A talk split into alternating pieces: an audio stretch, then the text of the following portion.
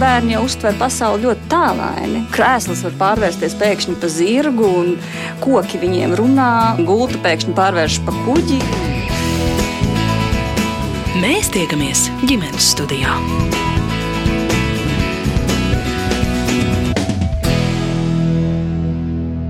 Labdien, un esiet sveicināti ģimenes studijā. Šodien mums atvēlētajā laikā dubultu portrets, jo es Agnese Linka šoreiz sarunāšos ar māsām Lienu un Ievu Graudulēm. 2014. gadā viņas cēsīs nodibinājušas sabiedriskā labuma organizāciju Brīnuma māja, kas sākotnēji pulcēja ap sevi speciālistus un apzināja ģimenes, kam nepieciešams atbalsts bērnu attīstības veicināšanā, bet šobrīd brīnumā jau piedāvā atbalsta pasākumus ikvienam, kam rūp savu bērnu vispusīga attīstība, kā arī joprojām īsteno sociālās rehabilitācijas projektus ģimenēm, kas audzina bērnus ar īpašām vajadzībām. Brīnumājas patiesā seja ir, ka šeit satiekas daudz un dažādas ģimenes, saka Liena pati. Viņa ir četru bērnu mamma, jaunākie Toms un Gabriela ir klāčai sarunā. Ieva pašlaik dzīvo un strādā Lielbritānijā, kur ieguvusi ļoti vispusīgu izglītību, un šoreiz, cik labi, nelielu daļiņu sava Latvijas atvaļinājuma viņa velta sarunai ģimenes studijā.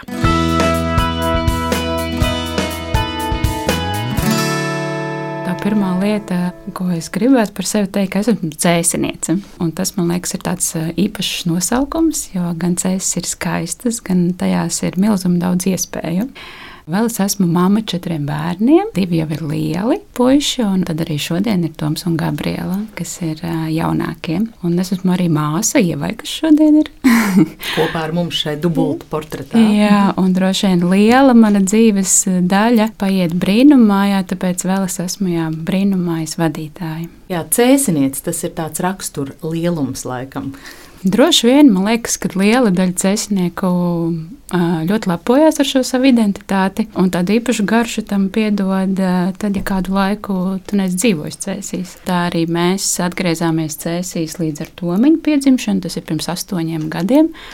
Un tad tu vari jā, to savu dzimto pilsētu ar tādu jaunu skatu un jaunu garšu ieraudzīt. Kur tad jūs bijāt izmetusi to loku, ka jūs sakāt, atgriezāmies? jā, nu kā jau katrs students, jā, tie studiju gadi Rīgā. Un tad arī mēs nobāzējāmies sākotnēji Rīgā, un tad vēl padzīvojām tādā burvīgā pilsētā kā Ikšķile. Un droši vien, jā, Ikšķile bija tā vieta, kur to ārpus pilsētas to sajūtu dabūjām, un tādēļ kaut kādā brīdī sapratām, ka lielpilsēta nav priekš mums, un tad cēsis bija tāda pašsaprotama izvēle. Ieva, vai jūs arī sākot stāstu par sevi? Teikt, es esmu cēsiniece, tāpat kā māsa. Nu, nedrīkst jau laikam atpalikt. Jā, es esmu arī cēsiniece. Pašlaik uh, dzīvoju ārpus Latvijas, tuvāk Nottingamai, kur es arī strādāju es, kā nu viņi sauc, front-end web development. Jeb, Kas tas ir? Latvijas. Tas, tas ir nu, dizains, computer dizains, tā teikt. Izstrādāju mājaslapas. Un, um, un tuvāk Nottingamē tas ir Anglijā. Tas ir Anglijā, jā. jā. jā. Kā tas jūsu ceļš ir vijies un aizvedis jūs uz Britu zemi? Nu, jā, es laikam vienmēr esmu bijis tāds pasaules klejotājs. Pirms kāda laika mācījos Anglijā, pabeidzu divas universitātes, tad atgriezos uz īsu brīdi Latvijā. Tad sapratu, ka vēlos darīt kaut ko pilnīgi savādāku nekā man bija izglītība. Sāku pašapmācības ceļā skatīties, ko var darīt ar datoriem, kā programmēt. Un, um, tad sāku strādāt Accenture, kur man bija tā iespēja strādāt uz projektiem ārpus Latvijas. Uh, strādāju gan Zviedrijā, gan Itālijā. Un līdz ar to tā garša bija, kad vajag uh, pastrādāt kaut kur ārpus Latvijas, redzēt pasauli. Tad man piedāvāja projektu Anglijā, kas sanāks tā kā atgriezties. Tur bija lieliski iespēja strādāju Rolls-Royce pie viena projektiņa viņiem. Un, uh, Iepazinos ar savu dzīves draugu, un tad sapratu, ka laikam jāpaliek. jāpaliek tur. Jā. Nevilinājāt dzīves draugu uz šejieni vēl. Nu, viņam ir uh, māma gados, un līdz ar to viņš kā vienīgais dēls, tad viņam ir pienākums vispirms pret mammu. Tad, bet viņam ļoti patīk Latvija. Viņš pats anglis ir. Lai gan viņš ir lepnums, saka, ka viņš ir pa pusē dānis, jo mamma ir dāniete, un uh, līdz ar to viņam tā Eiropa ir pazīstama un tuva. Tās divas universitātes Anglijā, vai tas jau bija kaut kas ar informācijas tehnoloģijām saistīts? Tā ir. Sāku es ar Bangoras universitāti. Tā atrodas Velsā, Ziemeļvelsā. Un aizgāju uz turieni mācīties maģistros, tāpēc, ka tajā brīdī strādāju menedžmentā, un es sapratu, ka man vajadzīgi ir um, juridiskā pieredze, lai es varētu labāk kā, savu darbu darīt. Jo man iepriekšējā izglītība ir ekonomista, līdz ar to um, ne visur ir iespējams tā vienkārši pārslēgties uz juridisko jomu. Bangoras universitātē tajā laikā bija apvienotais kurs ar juridisko fakultāti, kur puse no priekšmetiem bija mārketings un ekonomika, un puse bija uz jurisprudenci vairāk uh, līgumu slēgšana, starptautiskās tiesības un tā. Un pēc tā gada, Kad es pabeidzu maģistrus, tad sapratu, ka man tīri labi patīk tā juridiskā puse un meklēju tālāk tās iespējas, ko es varētu darīt. Un tā doma bija vairāk uz ģimenes tiesībām. Tas laikam vienmēr tāds kaut kāds aicinājums gribās palīdzēt. Kaut kā likās, ka tas ir ideālais ceļš. Un tad es Manchesterā sāku mācīties konvertācijas kursus. Tad Anglija piedāvā konvertācijas kursu, ja ir iepriekšējā izglītība, ir iespējams gada laikā apgūt speciālus priekšmetus, lai dabūtu to pielīdzināto bakalaura izglītību jurisprudencē. Nu tā, es nezinu, man cilvēki tā pastāsta, mana CV vienmēr tā, nu, vai nu tu nezini, ko tu gribi darīt, vai kā. Bet principā man ir savādāka uztvere, jo dzīve tevi vada. Un tev vienā brīdī vajag vienas zināšanas, vienā brīdī citas zināšanas. Un es abrīnoju tos cilvēkus, kuriem 16 gadu vecumā zina, ko viņi grib darīt visu mūžu garumā. Un es tā nevaru teikt. Man liekas, tajā brīdī mārketings un ekonomika ir pamatīgas zināšanas, kuras ir vērts apgūt. Pēc tam parādījās, ka ir vajadzīgs juridiskās zināšanas, aktās mācīties. Pēc tam sapratu, nu, ka dizains kaut kā interesē. Tad sāku par grafisko dizaineru strādāt. Pēc tam sapratu, ka nākotne tomēr ir IT jomā, un tad sāku IT jomu paņemt klāt. Es domāju, šis ir ļoti labs eh, stāsts kontekstā ar to, ka ir vasara un daudz, daudzi teiksim, vidusskolu absolventi un viņu vecāki tagad lauza galvas, ko darīt, ko tad izvēlēties to vienu īpašo lietu visam mūžam. Lūk, piemērs, ka var ļoti dažādos virzienos pagūt aiziet. Jā, es arī saviem lielajiem krustbērniem saku, nu nav jēga iespringt, nu dari to, kas patīk. Dzīve parādīs, nu varbūt pēc trim gadiem tu aizies uz inženieriem vai kaut kur mm -hmm. citur mācīties, tu jau to nezini. Nu, tik ļoti par to nevajag satraukties. Tas banālais teiciens, viss ir iespējams. tā. Skatīšos atkal galdam pāri uz to otru pusi un uh, lūkšu arī Tomu un Gabrielu varbūt pastāstīt nedaudz pašiem par sevi, varbūt ar māmas palīdzību. Gabriela. Mm -hmm. Cik tev ir gadiņi? Seši. Ko tu dari? Kā tu pavadi savas dienas? Pie tēta. Pie tēta? Tu neej bērnu dārzā? Nē? Vai vasarā tikai ir brīvlaiks no bērnu dārza? Drīz būs. Drīz būs. Pagaidām tu vēl ej dārziņā. Tas ir cēsīs. Jā. Kā sauc tavu bērnu dārzu? Krīvos. Jā, Krīvu pirmskolas izglītības iestādē. Mums vēl pēdējā grupa zīļu ir priekšā. Nu jā, seši gadi tas nozīmē, ka šī vasara, un tad nākamais rudens būs pēdējais, kad tu vērsi dārziņa durvis. Kā mēs ar Gabrielu sakām, mēs abas jau esam gatavas skolai, bet te zīļuki vēl jāpabeidz. jā. jā. Kā jūs to gatavību nosakāt? Nu jā, šis ir vēl viens liels jautājums. Kad tu esi gatavs skoliņai un kad nē. Nu, tā mana pārliecība ir, ka vispirms tiešām ir vērts ieklausīties bērniņā. Jā, jo Toms, pieņemsim, tad, kad viņam bija jāsāk skolā iet, viņš teica, ka viņš vēl nav gatavs. Un tad mēs gājām gadu vēlāk. Toms sāk iet gadu vēlāk. Tā kā tās iekšējās sajūtas ir tās galvenās. Lasīt, praksmi, rēķināšanu, to visu. Kā Ieva saka, neko nevar nokavēt, visu var iemācīties, tā to var, var iemācīties. Jā. Kā mēs sakām, viņa ir mazā terapeitīte, jo viņi abi divi principā ir uzauguši brīdumā. Jā. Viņa savos sešos gados, es teiktu, ir tāda ļoti dzīves, gudra, tāda ļoti empātiska un, un sociāli gudra. Viņa ļoti pamana. Jā, viņa ir tā, kas saka, mamma, tu esi nogurusi, dusmīga vai satraukta. Tāda jā, ļoti atvērta un dzīves gudra. Un par to viņa pāris vārdus arī. Toms mums pabeidza pirmo klasi šogad. Mums visiem liels prieks. Toms mācās Drabeša jaunajā pamatskolā. Tā ir netālu no cēsīm un ārkārtīgi jauka skoliņa. Man ir tādas trīs īpašas lietas, kas patiesībā nav tik sarežģītas. Un viens ir, ka tās ir mazās klases. Tom viņam klasē 13 bērni bija, un tad pievienojās viena ukraiņu meitenīte, un tad beigās viņa bija 14.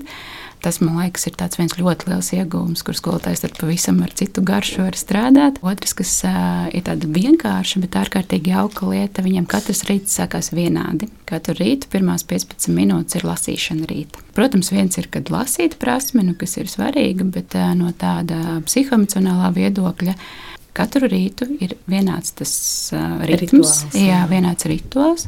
Tu pats vari izvēlēties grāmatu. Tas nozīmē, ka tu pats vadi, tu vari mierīgi savā tempā iejusties skoliņā. Trešā lieta ir pusdienas laiks. Viņiem ir vesels vienas mācības stundas garumā, kas nozīmē, ka viņi paspēja gan pāriest, gan iziet ārā. Un līdz ar to tās pēdējās stundas nav jautājums par to, vai es izturēšu. bet, ar jaunu elpu. Jā, ar jaunu elpu viņi tiešām pieslēdzās un, un smuki mācās. Un, protams, tas viss kolektīvs, un tu redzi, ka katram no tiem skolotājiem, kas tur strādā, tie bērniņi tiešām rūp. Jā, tā kā mēs esam ļoti, ļoti priecīgi par savas mm. skolas izvēli. Arī jāmēro ir garāks ceļš, bet tas ir nieks. Bet Drabešu jaunā pamatskola, tas man uzreiz liek domāt, vai tā ir pašvaldības dibināta skola? Jā, tā ir pašvaldības skola. Bijušo internātu skolu pašvaldībai, toreiz vēl amats novada pašvaldībai bija iecer veidot ar tādu mazliet alternatīvu ievirzi. Tādēļ viņi uzaicināja arī skolas direktori, kas saprot, ko nozīmē alternatīvās pedagoģijas metodes. Tā ir vairāk sekošana bērnam, un tad savukārt sistēmas pielāgošana tam, kā bērniņš jūtās un kas viņam ir pats piemērotākais. Galvaspilsētā, kur ir 30, 32, dažreiz 34 četri bērni klasē. Mēs par šo varam tikai pasapņot. Jā, bet nu, es nekādā mērā nenosodu skolotāju, kurš 33 bērnu klasē gribot nevar. Es noteikti nevarētu strādāt arī 20 bērnu klasē. Tāpēc, ka ir sevišķi, jā, ka šobrīd tie bērni ir tik ļoti dažādi, ar, ar tik ļoti dažādiem uztveres procesiem, un dažkārt um, pat katrs piektais ir ar kādām grūtībām. Tad jā, atslēga noteikti ir bērnu skaitām. Tāpēc jā. Uh, visu cieņu Cēzu pašvaldībai par šādu skolu varu tikai novēlēt to saglabāt. Gabriela, vai tu jau zini, tu arī iesi tajā pašā skolā, kur brālis? Jā. Māma piekrīt. Jā, mēs uzrakstījām iesniegumu un ļoti ceram, ka nekas nemainīsies un būs vieta. Jo mēs pēdējo vietu tikām jā, klasītē. Es ceru, jā, ka iesniegums ir iesniegts laikā un, un tiešām mēs tā klasītē tiksim. Vai jūs varētu arī pastāstīt par saviem klātnēsošajiem dēliem? Jā, lielie brāļi. Cik lieli viņi ir? Edvardam ir 25 gadi, un Edvards jau dzīvo Rīgā, jau patstāvīgu dzīvi, un ir uh, pavārs. Mēs ļoti priecājamies par savu brāli. Jā, un sevišķi, ka viņš atbrauc un mūs palutina ar kaut ko ļoti garšīgu. garšīgu Vai arī, kad mēs esam kaut kur un ēdam kaut ko tādu mazliet neikdienišķāku, tad, tad mēs ar brāli padalāmies. Kādas brīnums arī mēs mm. nogaršojam. Mēs arī gaidām, kad Edvards brauc pie mums ciemos, jo tad ir mazā brāļa un māsas mīļošana, murcīšana, burzīšana. Vai ne, mm. Gabriela, brālis tevi mīca? ko tev vislabāk patīk darīt kopā ar brāli? Izstāsti, ko tev brālis mācīja, kas mammai ne īpaši patika. Žņaukt. Žņaukt. Ah, tas bija Raufiņš, jā, tas ir otrs brālis. Mhm. Lielais brālis tev datorspēles mācīja, vai ne? Es viņu datorspēles skatos. Nu jā, un tad ir pieminētais jā, Rāvs. Jā, Rāvs nodarbojas ar, ar cīņu sportu, un tad kādi paņēmieni jātiek arī, arī iemācīti mazajiem. Jā, un šogad Rāvs beidz Valmieras tehnikumu, tā kā nu jau arī mums otrs brālis trīs varēs uzsākt patstāvīgu dzīvi. Tie ir tie jūsu lielie krustbērni, kurus pieminējāt. Tie ir mani lielie krustbērni. Abi divi ir oficiāli krustbērni. Man viņi visi ir krustbērni. oficiāli. Un visi oficiāli, jā, visi četri. Tas gan ir ļoti interesanti. Jā. Es gribētu tagad turpināt sarunu par uh, kādu projektu. Es nezinu, cik lielā mērā var teikt, ka tas ir jums kopīgs vietā, ko sauc par brīnumu māju. Nu, laika ziņā tur būtu cita atbilde, bet tā ieguldījuma ziņā es teiktu, ka uh, tas ir līdzvērtīgi attālinātais skats no malas reizēm ir nu, ārkārtīgi svarīgs un būtisks. Un, ja mēs runājam jā, par brīnumāju un, un brīnumājas projektiem, tad tos tiešām mēs rakstam arī jau kopā. Viņi ir priekšā, un es esmu aizmugurs, kas kaut ko piekoriģē un salabo gramatiku. un tādas lietas uztais dizainu šam tam. Jums ir jāpastāst, kas jā. ir brīnumāja. Vienai otru papildinot. Jā, brīnumāja ir labdarības organizācija. Atrodamies mēs Cēsīs astoņi gadi nu jau ir. Ja? Mums ir pilni astoņi gadi. Mums ir arī sabiedriskās labuma organizācijas status. Sīkāk par to, ko mēs ikdienā darām, to gan vislabāk Liena izstāstīs par visām terapijām un projektiem. Brīnumā, jā, tiešām ir tāda vieta, kur katru dienu var piedzīvot brīnums. Brīnums gan skatoties uz visiem mūsu foršajiem brīnumbērniem, gan ieraudzīt, cik ļoti viņi prot priecāties un brīnīties. Un droši vien tā arī radās tas nosaukums, ka tā patiesi brīnīties par lietām, laikam vislabāk prot bērni. Tajā brīdī, kad viņi atklāja priekš sevis kaut ko jaunu, priekš mums varbūt pat ļoti ikdienišķas lietas, viņi spēja saskatīt arī brīnumu pavisam mazās lietās. Nu jā, un tad pirms astoņiem gadiem, kad es jau biju pārvākusies uz dzīvi cēsīs un biju sākusi savu otro dzīves posmu, atstājusi biznesa vidi un sākusi pievērsties bērniem un bērnu attīstībai, tad mēs pamanījām, ka visvairāk tiem bērniem, kuriem nepieciešams ir atbalsts, to vismazāk var arī atļauties. Un kā viens no risinājumiem bija pretendēt uz sociālās jomas projektiem un piesaistīt finansējumu. Un, lai piesaistītu finansējumu, ir vajadzīga biedrība tik pragmatisks uh, iesākums, jā, un, un tad mēs radījām organizāciju, kuru ātri vien arī jā, nokārtojam sabiedriskā labuma organizācijas statusu un radījām vietu, kur bērniņi var uh, saņemt atbalstu. Šodien brīnumā jau ir uh, kaut kas daudz, daudz vairāk. Uh, šodien par brīnumā mēs sakām tā, ka mums ir trīs jomas. Viena joma ir uh, vēl joprojām tie labdarības projekti, kuros mēs uh, citkārt sadarbojamies ar uzņēmumiem un kādu jauku iniciatīvu īstenojam. Katru gadu mums notiek kopā būšanas svētki, kur dažādu uzņēmumu kolektīvi sarūpē dāvaniņas, mēs saicinām bērnus un cēsu jaunieši gatavo viņiem pasākumu. Vai arī uz mērķu grupai kādas ļoti svarīgas lietas aktualizācija, kā piemēram šogad mēs startēsim lampā un runāsim par bērniņiem, kuriem ir kādas grūtības, vai nu sensorais jūtīgums izmainīts, vai emocionālais jūtīgums, vai hiperaktivitāte.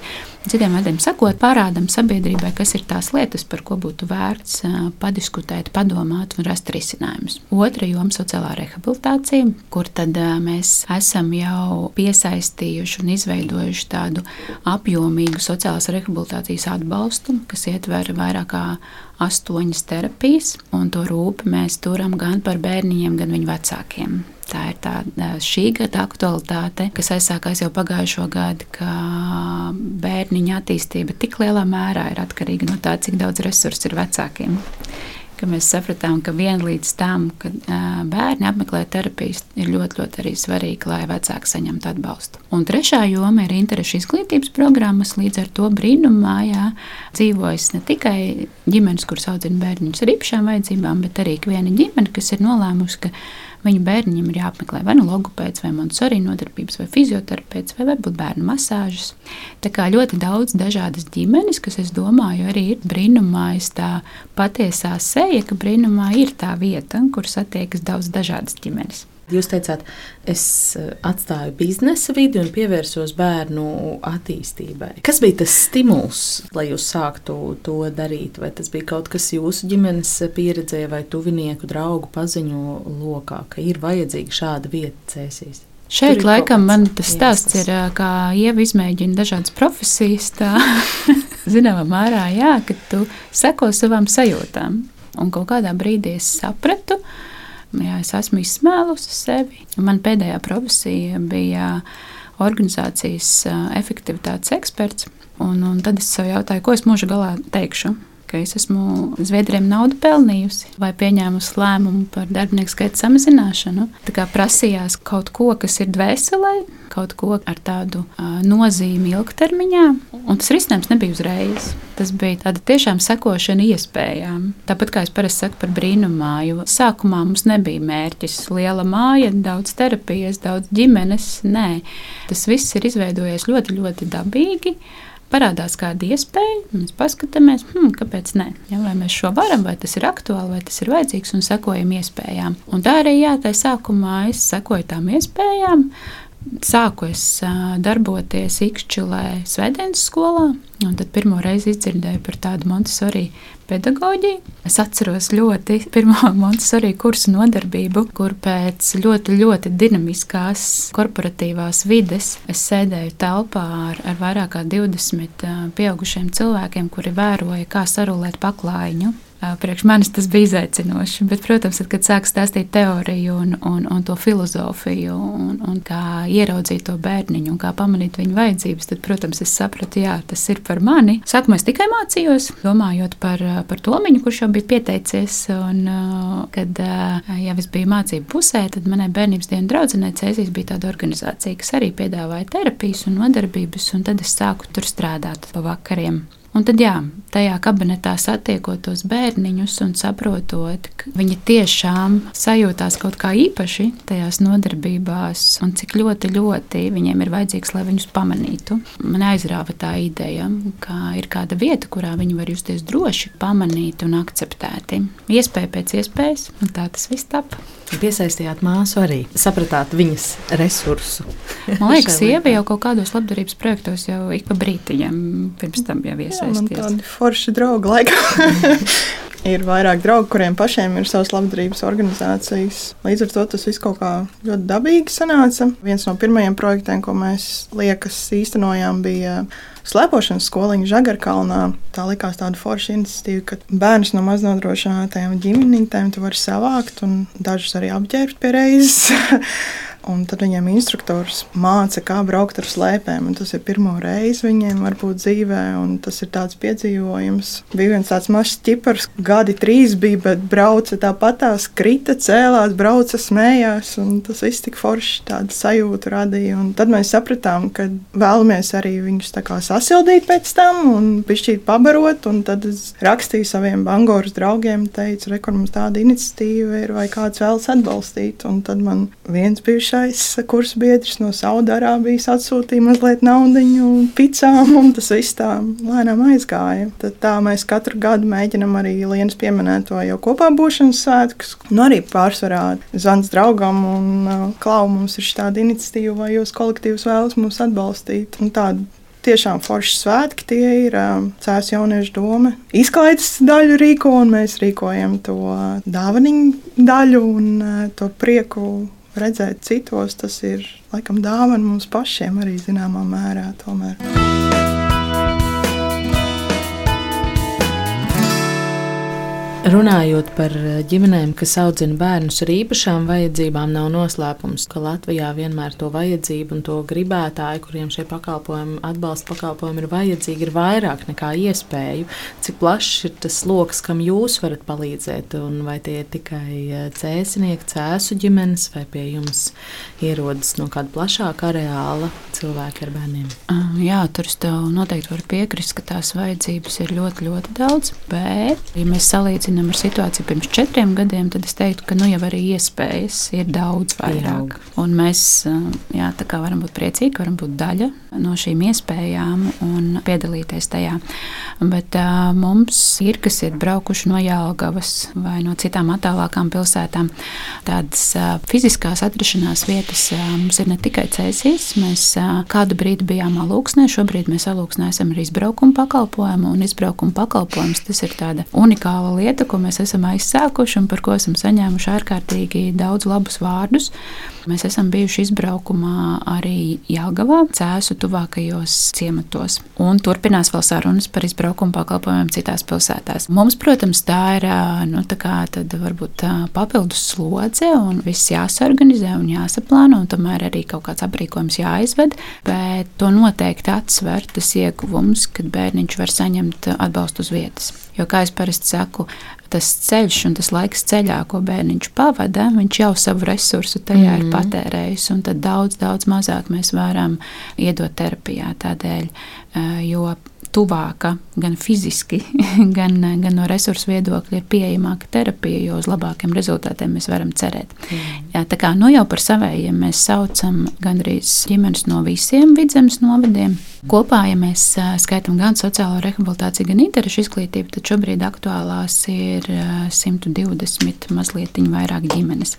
Sociālā rehabilitācija aktuālās apmēram 80, 85 ģimenes. Jā, katru dienu brīnumā jā, ir tādā kā mazā skudra pūznītī, kur jā, no rīta mammas nāk masēties, un vai bērnu dārznieki pirms bērnu dārza atnāk uz terapijām, un tad pēcpusdienā jau ir skolnieki, un uz vakarpusi jāiet pēc dārziņa. Šodien ģimenes studijā tiekamies ar māsām Lienu un Ievu Graudulēm. Abas kopā viņas cēsīs izveidojušas brīnumu māju, vietu, kur visu veidu atbalstu bērnu attīstībai var saņemt dažādas ģimenes. Par darbu brīnumu mājā un viņām pašām šai dubultportretā.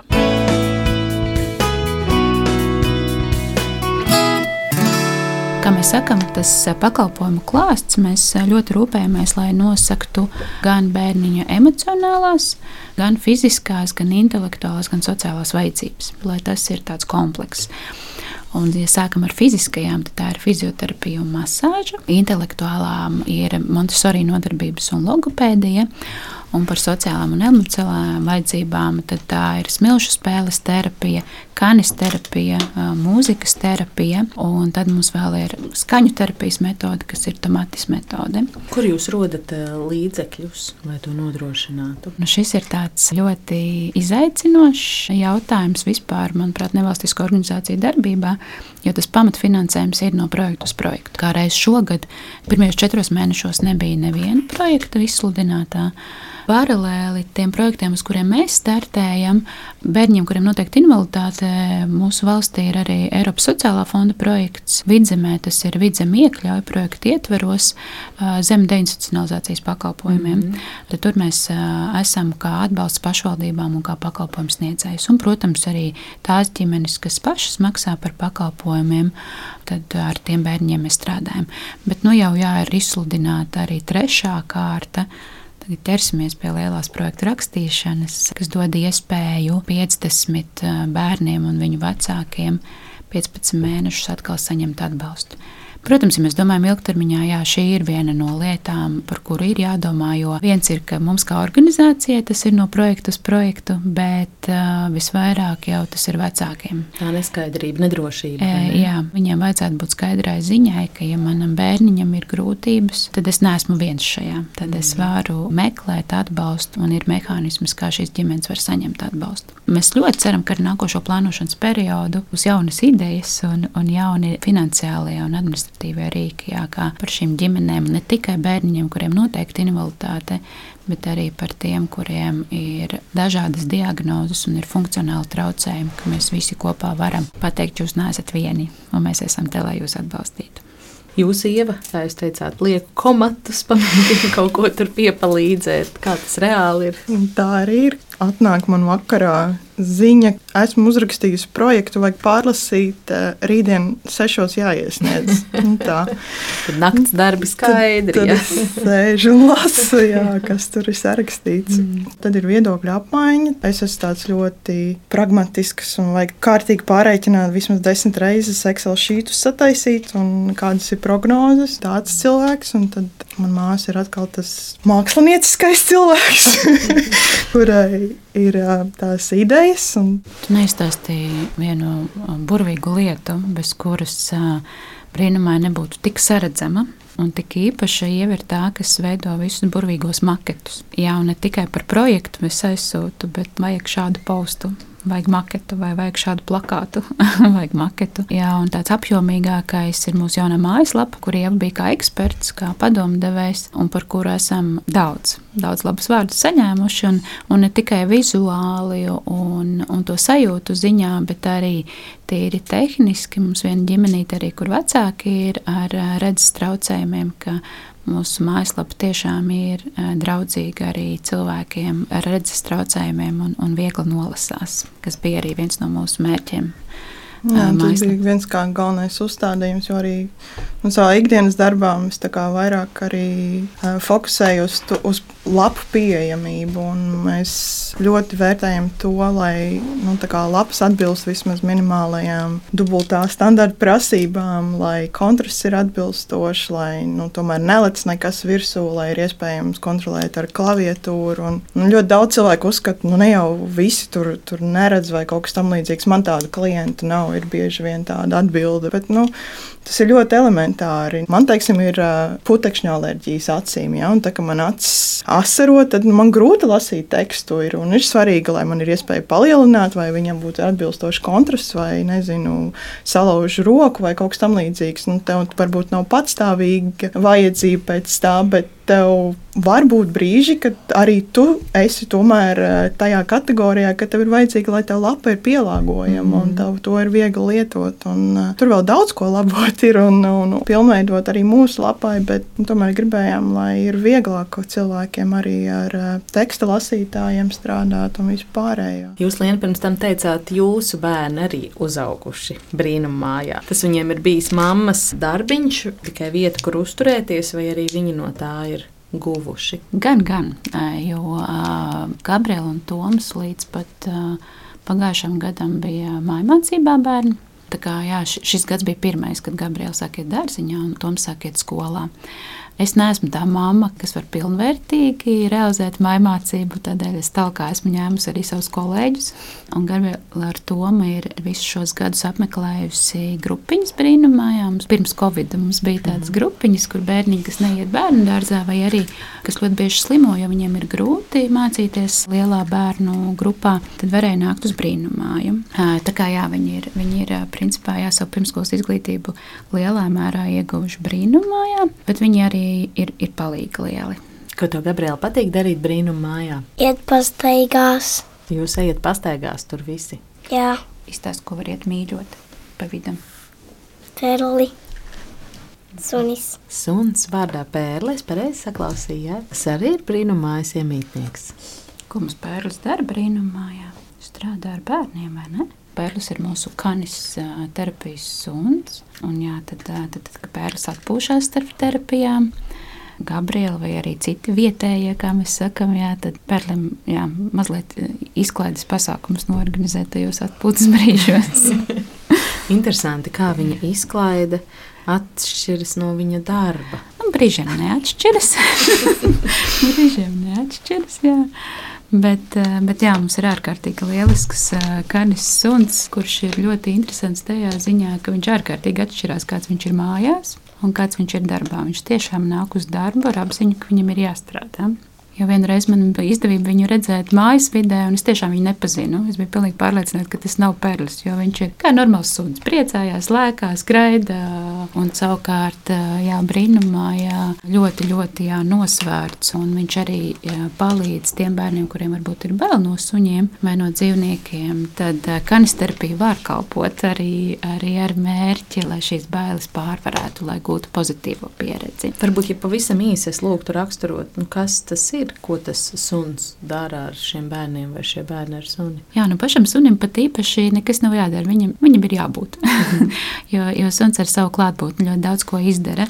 Bet kanisterapijā, jā, ir ja tā ļoti vienkārši, tad ir divi veidi uzdevumi. Viena ir ar suni, kur bērns veido kontaktu ar suni, un, un šajā kontaktā viņš gūst to emocionālo piepildījumu mazina trauksmi, gūst jau tādu pozitīvo kontaktēšanās pieredzi, kur pēc tam var pārnest arī citās situācijās, un arī ar cilvēkveidīgajiem. un otri uzdevumi ir, kas ir kontekstā ar suni. Nu, piemēram, sašķirosim šīs krāsiņas un parādīsim perlim, perlis mm pārbaudīs. Mm. Jā, tad tajos uzdevumos suns ir kā motivators. Jūs, māsas, tas, kā jūs raksturojāt šo savu sadarbību brīnumājas projektā, ļauj man domāt, ka jūs tur tā ļoti labi līdzsvarojat vienu otru. Ja? Viena ir mākslinieckais, emocionālais virzītājs spēks, otra - racionālais. Vai vienmēr tas tā ir bijis, vai jūs esat ļoti labi satikušas jau no bērnības? Kādas vispār ir jūsu bērnības atmiņas? Nu kā, nu, mums ar Lienu ir piecas gadu starpība, un tajā laikā tas likās baigi daudz. Tagad mēs sakām tikai. Tagad ne? ir jā. tikai. Jā. Viņi taču ar nu, vecākiem bērniem tur vairāk gāja ārā, un es biju tā sīkā, ko viņi negribēja vilkt līdzi nekur. Bet kas vilkās līdzi? Bet reizēm piespieda mamma, jā, kaut kur aiziet līdzi. Mums bija kādreiz noteikums, ka es drīkst iet uz diskotēku tikai tad, ja Liena man ņem līdzi. jā, un, un Lienai tas ļoti nepatika, protams, pieskatīt kaut kādu mazo māsu. Nu, jā, nu kā jau visi kā jau visi brāļi māsas, kad vajag pakšķējis, kad vajag salaps, kad vajag palīdz. Nu, Normāla ģimene. Jā, bet es tev varu piekrist. Tāds komplektiņš no mums abām kā reiz ir izveidojies brīnumā. Jā, jo, ja man ir jā, tas um, terapeitiskā puse, izglītības puse, menedžments, Tad savukārt ievai ir jā, cipari, tehniskais nodrošinājums un tādas lietas. Jā, tā kā ilgus gadus mēs tiešām iztikām ar, ar savu resursu un, un visu to lieliski paveicām. Iespējams, arī tas bija iemesls, kāpēc kaut kādas atsevišķas labdarības iniciatīvas pārauga organizācijā, jo, jo mēs sapratām, ka tā kompetence kopā saliekot mūsu abu divu iepriekšējo pieredzi un prasmes ir pietiekama, jā, lai mēs tādu jauku organizāciju radītu. Bet vai tas, ka jums vēlme to darīt un tāda vajadzība to darīt un gandarījums to darīt abām, vai arī tas ir kaut kādā veidā saistīts ar ģimeni, no kuras jūs nākat, ar kaut kādām tām vērtībām, ar kurām jūs esat audzināts? Jā, un nē, droši vien, jo, jo ja paskaita mūsu gadus, mēs esam tādi tipiski padomju laika bērni, kurš tāds bija vairāk par izdzīvošanu ja, tajos laikos. Droši vien tādi labdarības projekti nebija, nebija ļoti pazīstami. Tajā pašā laikā mūsu vecā mamma bija skolotāja un, un bija arī pulciņus vadīja. Tādas rūpes par bērniem un, un tādas lietas droši vien, kad mēs pat kaut kādā mērā neapzināti esam saņēmuši. Nu jā, un citu atbalstīšana gan droši vien ir bijušas vērtības, ko mēs esam piedzīvojuši. Tāpēc mums ir tā absolūti pašsaprotami, ka papildus rūpēm par to, ko es ēdīšu, ko es vilkšu, vienmēr ir arī uh, rūpes par to, ko es labi šajā dzīvē paveikšu. Es domāju, ka tad, ja tu pats esi gājis kaut kam cauri, tādam vieglāk ir arī saprast tos uh, citus. Uh, Es teiksim, atceros no savas bērnības, kas jau nu, 90. gados, kad sākās uh, pirmās nometnes, teiksim, angļu valodai vai kam, tad uh, nu, es atceros vēl joprojām tādus īpašus individus, kur izrādīja kā, ieinteresētību par tevi. Vai, un tiešām viena amerikāņu sieviete atceros, kur man uzdāvināja komiksu grāmatiņu, un man tā bija visa pasaule tajā brīdī. Nu, reizēm jau nevajag daudz, man liekas. Jo tas, kā jūs stāstījāt, nu, kā jūs devāties eh, studēt uz Angliju, varētu izklausīties, nu, ka miljons bija kabatā, lai varētu absolvēt vienu, pēc tam otru augstskolu. Vai tas tā arī bija tik vienkārši? Nē, nē vienkārši tas noteikti nebija. Protams, vislielākais ieguldījums no manas vecāka puses. Toreiz arī ar viņiem runāju par to. Nu, protams, tas nebūs lēti. Bet nu, man izdevās dabūt arī stipendiju, kuru, kuru gan mēs ļoti interesantā veidā dabūjām satiekot rektoru uz vietas, kafejnīcā. Um, jo es viņam stāstīju, nu, kas, kas es esmu un kas pieteicos universitātei, bet man neiedeva stipendiju, tāpēc laikam nesanāks braukt uz Angliju. Un, un mēs jau nezinājām, ar ko mēs tā īsti runājam. Un viņš tā klausās, klausās, un beigās saka, nu, labi, nu, uzrakst man e-pastu. Un beigās izrādījās, ka viņš ir rektors biznesa sadaļai, un viņš saka, nu, biznesa skolai beigsies stipendija, bet eh, tā kā tu pusi startē juristos, tad juristiem vēl ir. Es parunāšu, un man piešķīra stipendiju, un tas daudz ko atspēkoja, jo no Anglijā nav lētas tās mācību maksas, un uh, noteikti man vecāki man daudz ko ir devuši. Kā jums šķiet, kas eh, nosaka to, ka viens cilvēks eh, ir gatavs eh, palīdzēt citiem, ir gatavs ziedot, un cits nē? Nu, piemēram, februārī, kad sākās neaptveramais, neiedomājamais, tas, kas notiek Ukrajinā, mēs visi bijām uz ļoti liela viļņa. Darīt, palīdzēt, atbalstīt, dot citiem organizāciju pārstāvi šobrīd neslēp to, ka tas atbalsta vilnis un tas entuziasms darīt ir ļoti noplacis. Jā, ziedošana un iesaistīšanās brīvprātīgajā darbā ir ārkārtīgi interesanta lieta. Un, un es domāju, ka tur sociologiem un sociālo fenomenu pētniekiem šobrīd ir ļoti interesants laiks. Jo ne tikai ar Ukraiņas karu saistītajā periodā, bet arī iepriekš mēs esam saskārušies ar to, ka nevienmēr tu vari saprast, kas motivē ziedot. Un mums tas vienmēr ir bijis daudz izaicinošāk, jo mēs mūsu ziedošanas kampaņas vai labdarības projekti nav lai kāds izdzīvotu, jā, nav lai kāds pāestu vai pieveiktu kādu slimību un tās nav tādas pamatvajadzības. Tādām pamatvajadzībām es domāju, ka lielā mērā cilvēki ir gatavi vairāk ziedot. Kā jau teica, vairāk ir gatavi ziedot tad, ja ir personīgā pieredze. Tu saproti, kā ir tajā brīdī, kad kāds no tām lietām nav, vai, vai ka tev nav veselības, vai ka nav mājokļa. Un mazliet atšķirīgi ir uh, ziedot tādiem attīstības projektiem, vienalga vai tie būtu kopienas, uh, tādi labbūtības projekti vai atbalsts bērniņiem, uh, ne krīzes brīdī, bet tāds uzturošais atbalsts.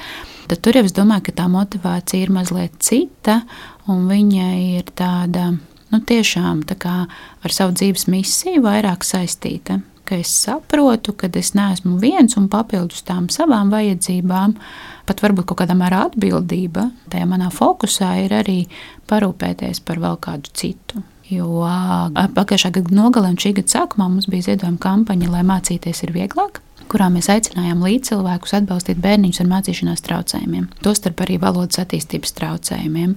Un mēs priecājamies par katru ziedotāju un esam ārkārtīgi pateicīgi katram Tomēr mēs nevaram salīdzināt ar, ar tādām ziedošanas kampaņām vai tādu ziedotāju atsaucību, kā piemēram saistībā ar Ukrajinu vai saistībā ar, ar kādu bērniņu slimību. Tā kā ziedotāji ir dažādi un, un motivācija ir dažāda, un lielā mērā tas ir arī ziedošanas kultūra Latvijā. Tā kā tu sākumā minēji, jā, ka visticamāk, ka Lielbritānijā tā izpratne par to, cik mēs esam dažādi un cik dažādas vajadzības mums ir apkārt ir lielāka.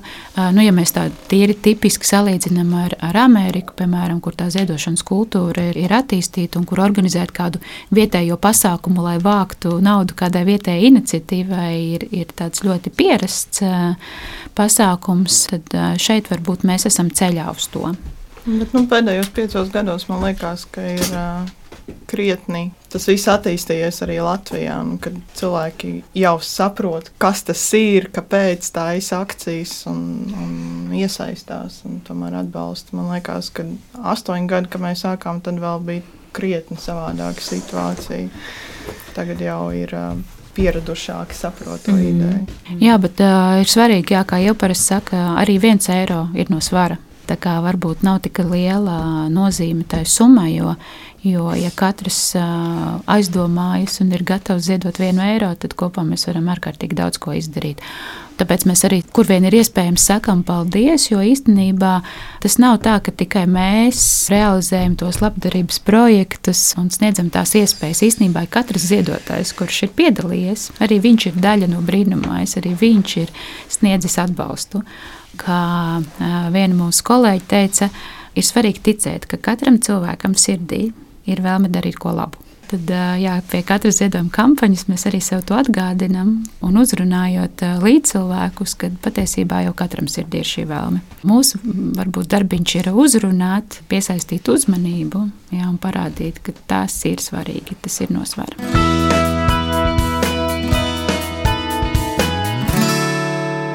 Uz sarunas noslēguma daļu virzoties, par kaut ko tādu liderīgāku varam parunāt. ja jūs esat eh, ziedojusi nu, jau gandrīz pusotru stundu no sava atvaļinājuma Latvijā, ģimenes studijai, par ko paldies. Kas ir tas, ko atbraucot eh, dzimtenē, jums gribās paspēt, izdarīt, redzēt, es nezinu, apēst? Jā, no, nu, no pārtikas pirmais, ko es parasti nopērku, ir skābais krējums, skābēt kāposti un rupmaizi. Nu, lai gan, nu jau, protams, ir arī lielie veikali Anglijā, kur var to visu iegādāties, bet nu, nesenāk tik bieži aizbraukt. Mm. Tas, ko es parasti vasarās ļoti ilgojos, ir nopeldēties ezerā vai jūrā. Tā kultūra tomēr nav viņiem pieņemama Anglijā. Nu, var redzēt, ka teiksim, arī es esmu braukusi ar laivām pa Tēmzu vai kā, un, un, un mēs peldamies, bet pašiem angļiem tas tā tiešām nu, tā, tā drīkst. Ja? un, uh, Nu jā, nu, tur jāskatās arī, protams, ūdens kvalitāte un vispārējie rādītāji. Bet uh, Latvijā tā daba ir tāda, ka nu, tu vienkārši nāc un baudi. Un, uh, draugs arī to ļoti novērtē, nu, kad uh, tu vari atbraukt un vienkārši peldēt ezerā. Tas ir tik forši un skaisti. Un, un pēc tam apēst zemes.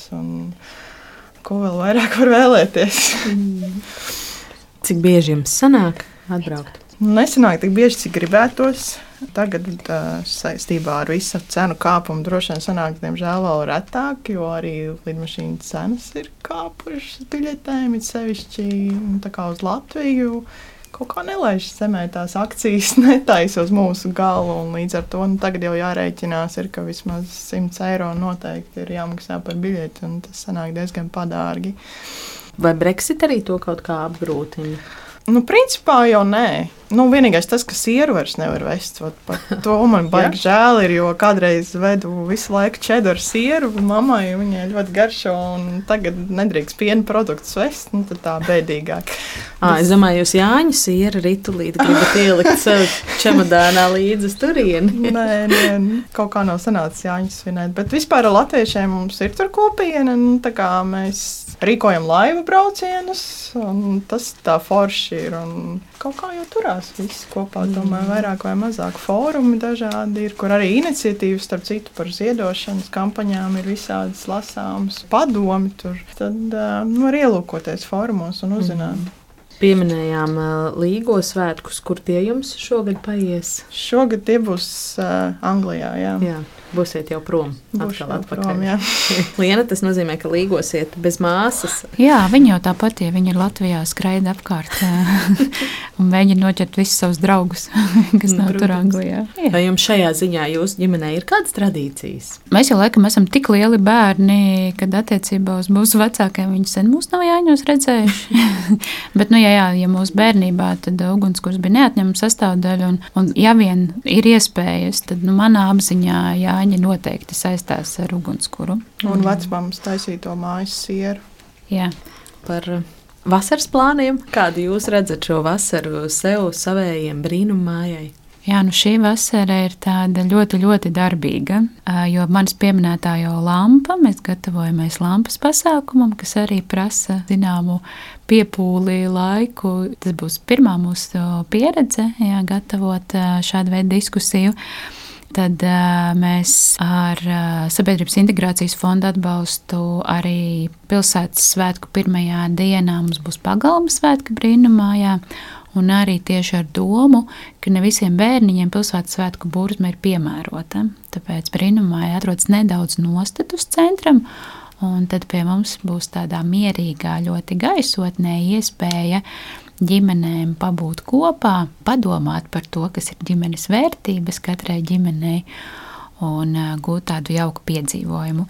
Un tad vēl piedzīvosim vēl vienu īpašu šīs vasaras notikumu, kas ir orientēšanās spēle, ko arī brīnummāja piedāvā bez maksas, kas ir brīnummadības cēsīs sadarbībā ar Roadgames un Cēs kultūras centru. Tad izmanto iespēju un aicinu arī ikvienu ģimeni, jo šī spēle tiešām ir bez maksas un tā ir iespēja ieraudzīt cēsis pavisam citā gaismā un uzzināt daudz ko jaunu. Jā, vajadzīgs vien vietālrunis ar lejuplādētu lietotni, Un tad jā, apkārt brīnummājai un arī dažos tālākos punktos ir iespēja jautri pavadīt laiku un iet interesantā pastaigā. Tā kā šis ir viens tāds vasaras plāniņš, un pašai savukārt mēs tikko arī bijām pie jūras. Mums gan otrā dienā bija tādas lietainas, bet lietaina pastaiga gar jūru arī ir viena no lietām, kas spēj man iedvesmot, un, un jūra vispār jūra ir neatņemama vasaras sastāvdaļa. Tā kā tiklīdz mēs redzam, ka ir kādas saulainas dienas, tā mēs ar bērniem lecam mašīnā sameklējam pēdējā brīža piedāvājumu naktsmītnē un braucam vismaz uz trīs dienām pie jūriņas. Cik tad tur no cēsīm? Šodien ģimenes studijā iepazinām māsas Lienu un Ievu Graudulis. Viņas abas ir ģimeņu atbalsta organizācijas brīnumāja izveidotājs. Ar viņām sarunājos es Agnese Linka. Par radījumu tapšanu rūpējās arī Ilze Zvaigzne un Nora Mitspapa. Paldies visiem, kas klausījāties ģimenes studiju Latvijas Radio 1 podkāstu vietnēs vai mūsu mobilajā aplikācijā. Sekoja ģimenes studijai arī sociālos tīklos un uz sadzirdēšanos.